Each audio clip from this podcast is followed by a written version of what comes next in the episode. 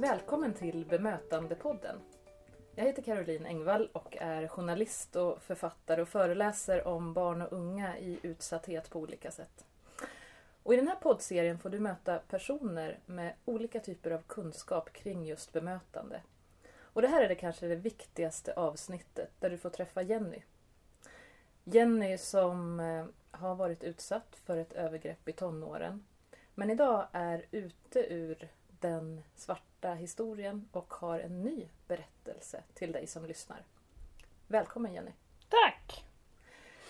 Jenny, efter det här övergreppet så började ju du använda sex för att det gjorde så ont på insidan. Ja. Och eh, du har berättat om hur dåligt du mådde av det här samtidigt som du inte ville tala om vad det var du var i för någon annan. Varför var det så svårt att berätta? Um, nej men det var nog mer att jag kände skam och skuld och kände mig äcklig. Um, ja, det är nog de största bitarna av det. Ville du egentligen berätta för någon? Mm, alltså, både och. Eh, visst, jag ville komma ur det och må bättre och vara mig själv igen. Liksom. Eh, men jag kände liksom, vad ska de andra säga liksom? Mm. Vad tänkte du att eh, de skulle säga? Att jag var äcklig, eh, dålig människa. Eh, ja.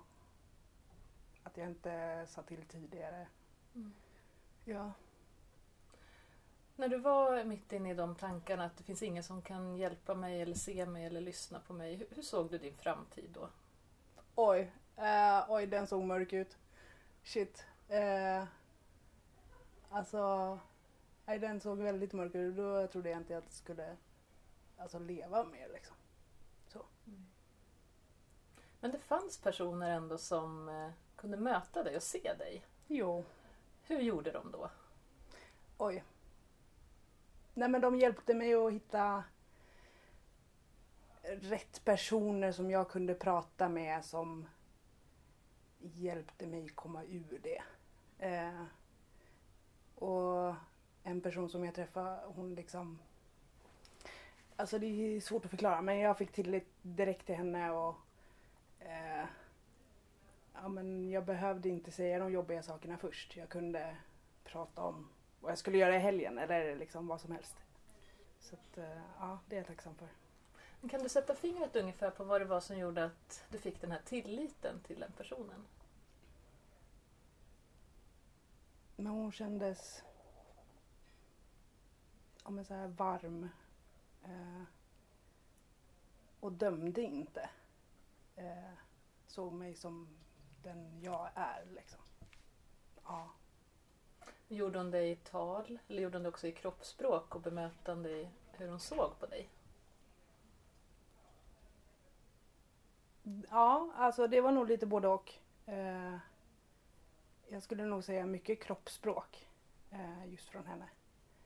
Även fast vi pratade. Men eh, man kände att hon var lugn och kunde ta emot allt. Och, eh, och, inte, kunde, alltså, och inte visade hennes känslor av vad jag har gått igenom. Liksom.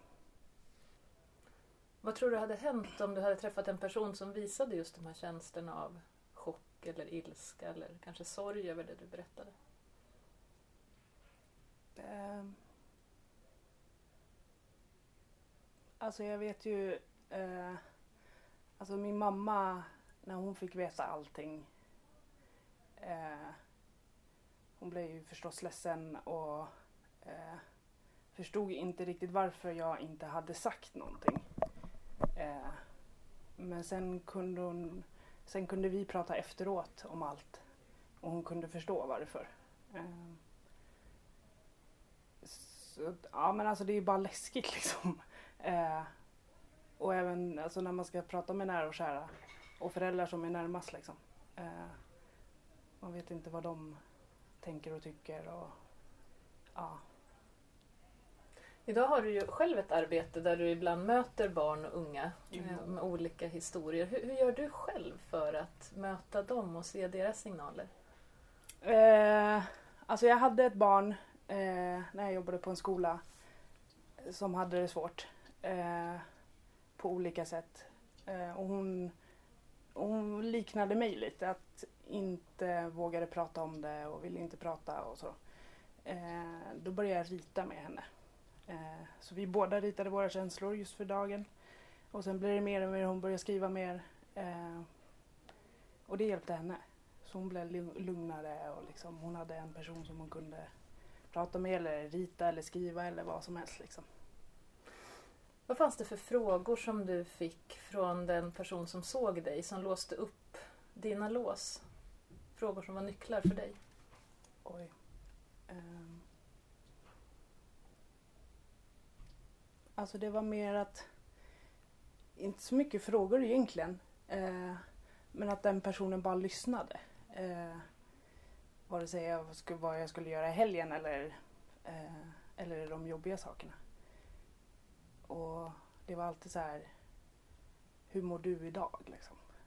Och jag kunde verkligen säga, idag mår jag skit. Eller Eh, och inte bara, jo men jag mår bra. Det vanliga svaret liksom. Så det, ja, men det var mer liksom att jag kände mer tillit och jag kunde bara berätta liksom. Och när du sa jag mår skit, vad fick du för bemötande då? Eh, nej men då fick jag en följdfråga på att varför mår du skit? Eh, oftast kunde jag inte svara på den. Eh, och jag kunde liksom ja, men jag kunde inte sätta vart det kom ifrån. Eh, men eh, till slut när jag hade grävt tillräckligt långt ner eh, så kunde jag svara på den frågan. Det var ganska skönt. Vad har det gjort för dig att börja gräva i det som du har varit med om tillsammans med en trygg person bredvid dig? Väldigt mycket skulle jag nog säga.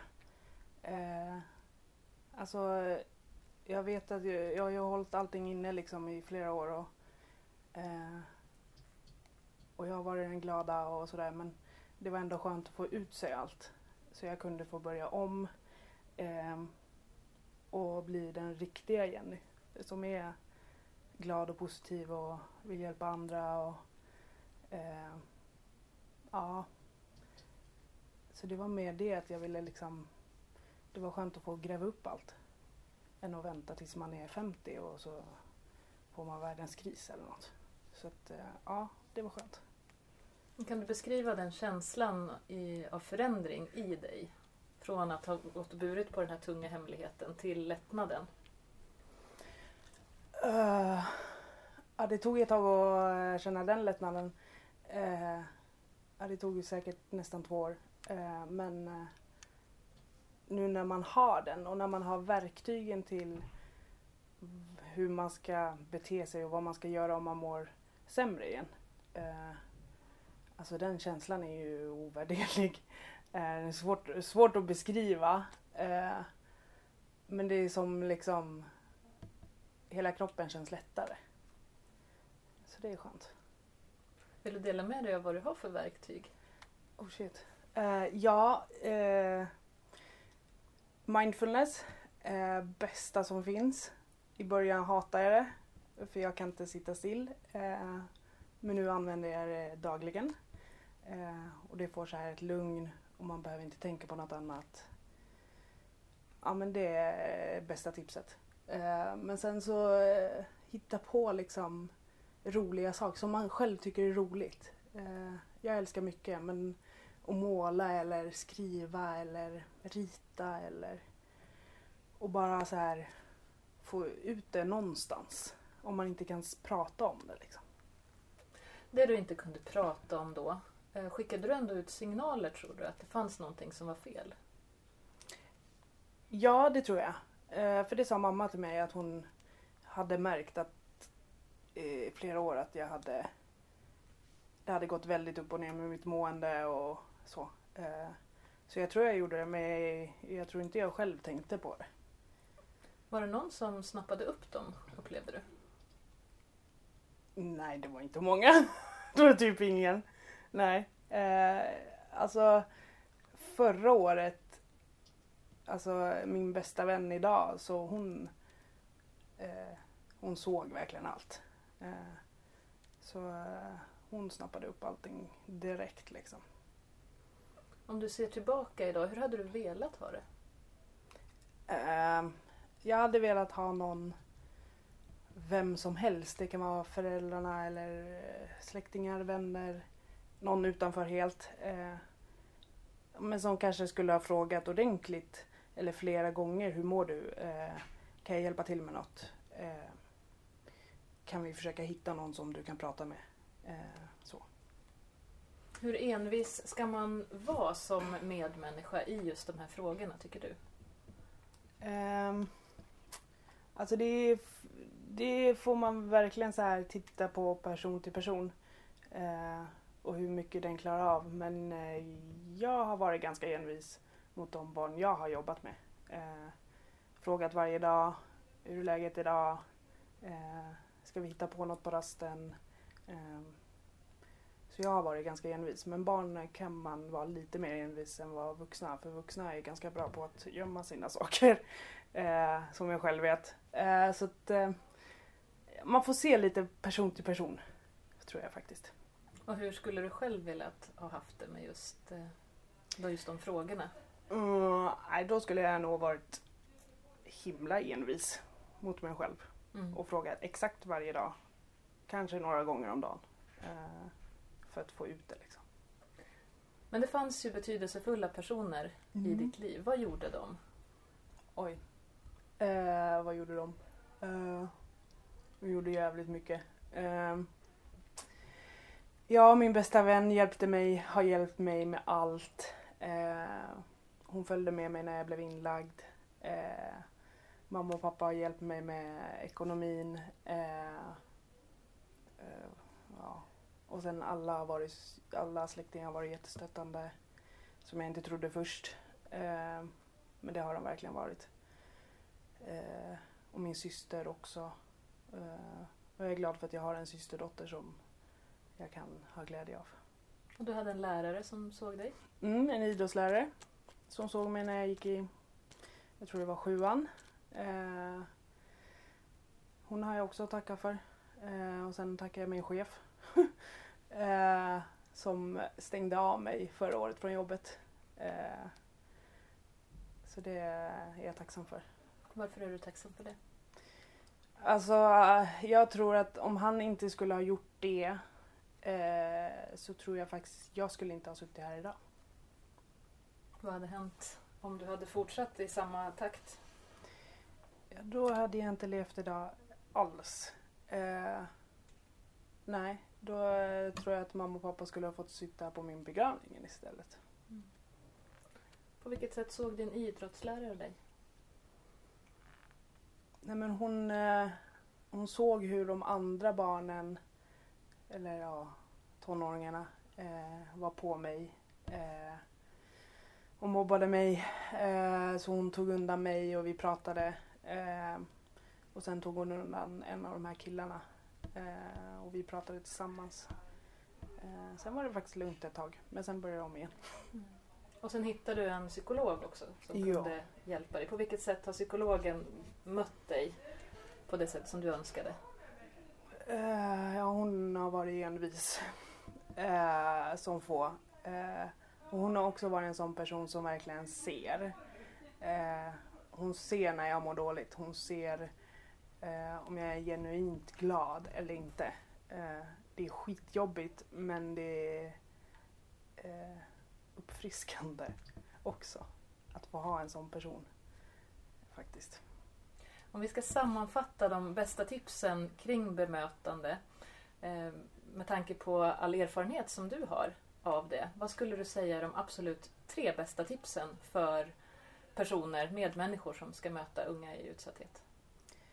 Eh, ja, först och främst eh, ta tid. Att verkligen och inte skynda igenom något samtal. För då kommer de att strunta i en. Eh, nummer två.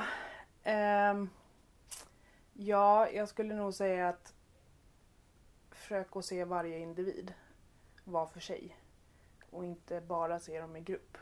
Eh, för Det kan göra en stor skillnad i just den individens liv. Och tre. Hmm. Jag skulle nog försöka se om, det inte, om man inte vill prata eh, eller just det barnet har svårt med det. Att ja, men hitta på något, måla eller som jag gjorde med ena barnet, att jag ritar mer än dens känslor och vi båda ritade våra känslor. Eh, och då behöver man kanske själv inte rita de tungst, tyngsta känslorna men eh, ändå så att man båda kan förklara sina känslor.